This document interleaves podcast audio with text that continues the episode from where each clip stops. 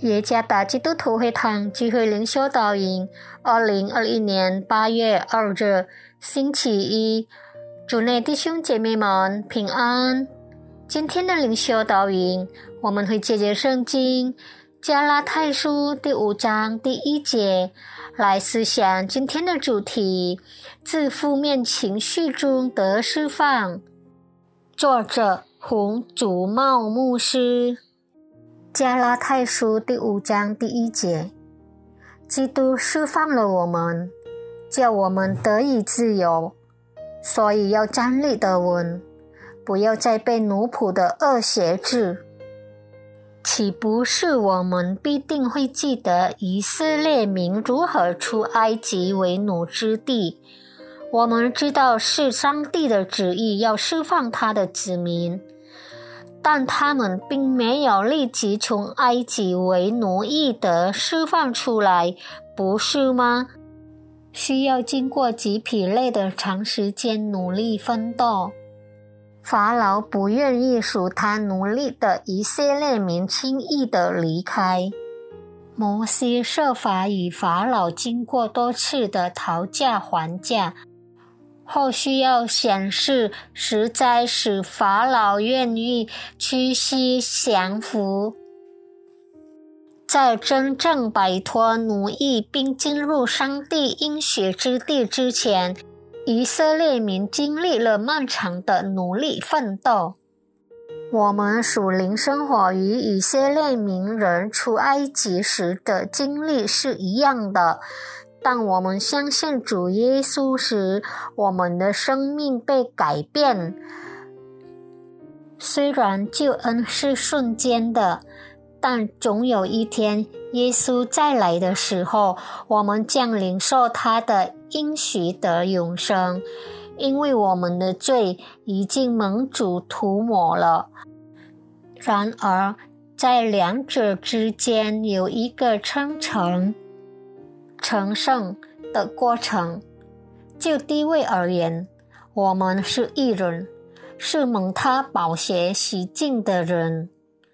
但当我们还在这世界上，活在身弱之躯，也必须经历持续不断的成圣。神学术语渐进式的成圣。大多数是在我们负面情绪的部分，靠着圣灵的帮助，我们能够战胜捆绑奴役我们的愤怒、憎恨、忧虑、惧怕、抑郁、成瘾等等。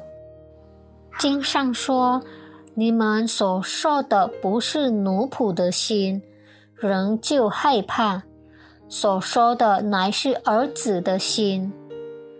罗马书第八章第十五节。除此之外，使徒保罗提醒我们，所以要站立得稳，不要再背负奴隶的恶。一哥林多前书第十六章十三节，勿要警醒和站立得稳。是有同样的意思，因这缘故，不要放弃，勿要警醒，让我们不会被负面的情绪继续的奴役我们。有时要摆脱努力的枷锁，需要非常艰苦的努力奋斗。有时无法克服负面情绪时，我们会感到疲倦和羞愧。但请相信，基督已经释放了我们，我们真正的得自由了。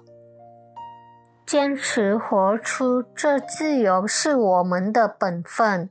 所以，如果我们已经处于胜利的位置，是正确的位置，是圣洁的位置，或是成圣。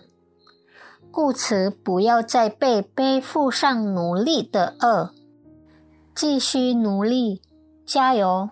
我们已经得胜了，而且我们在圣灵的带领下必定得胜。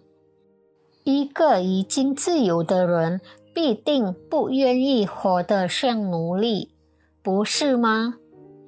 因此，再一次活出基督给予的自由生命，而过着已经自由的生活。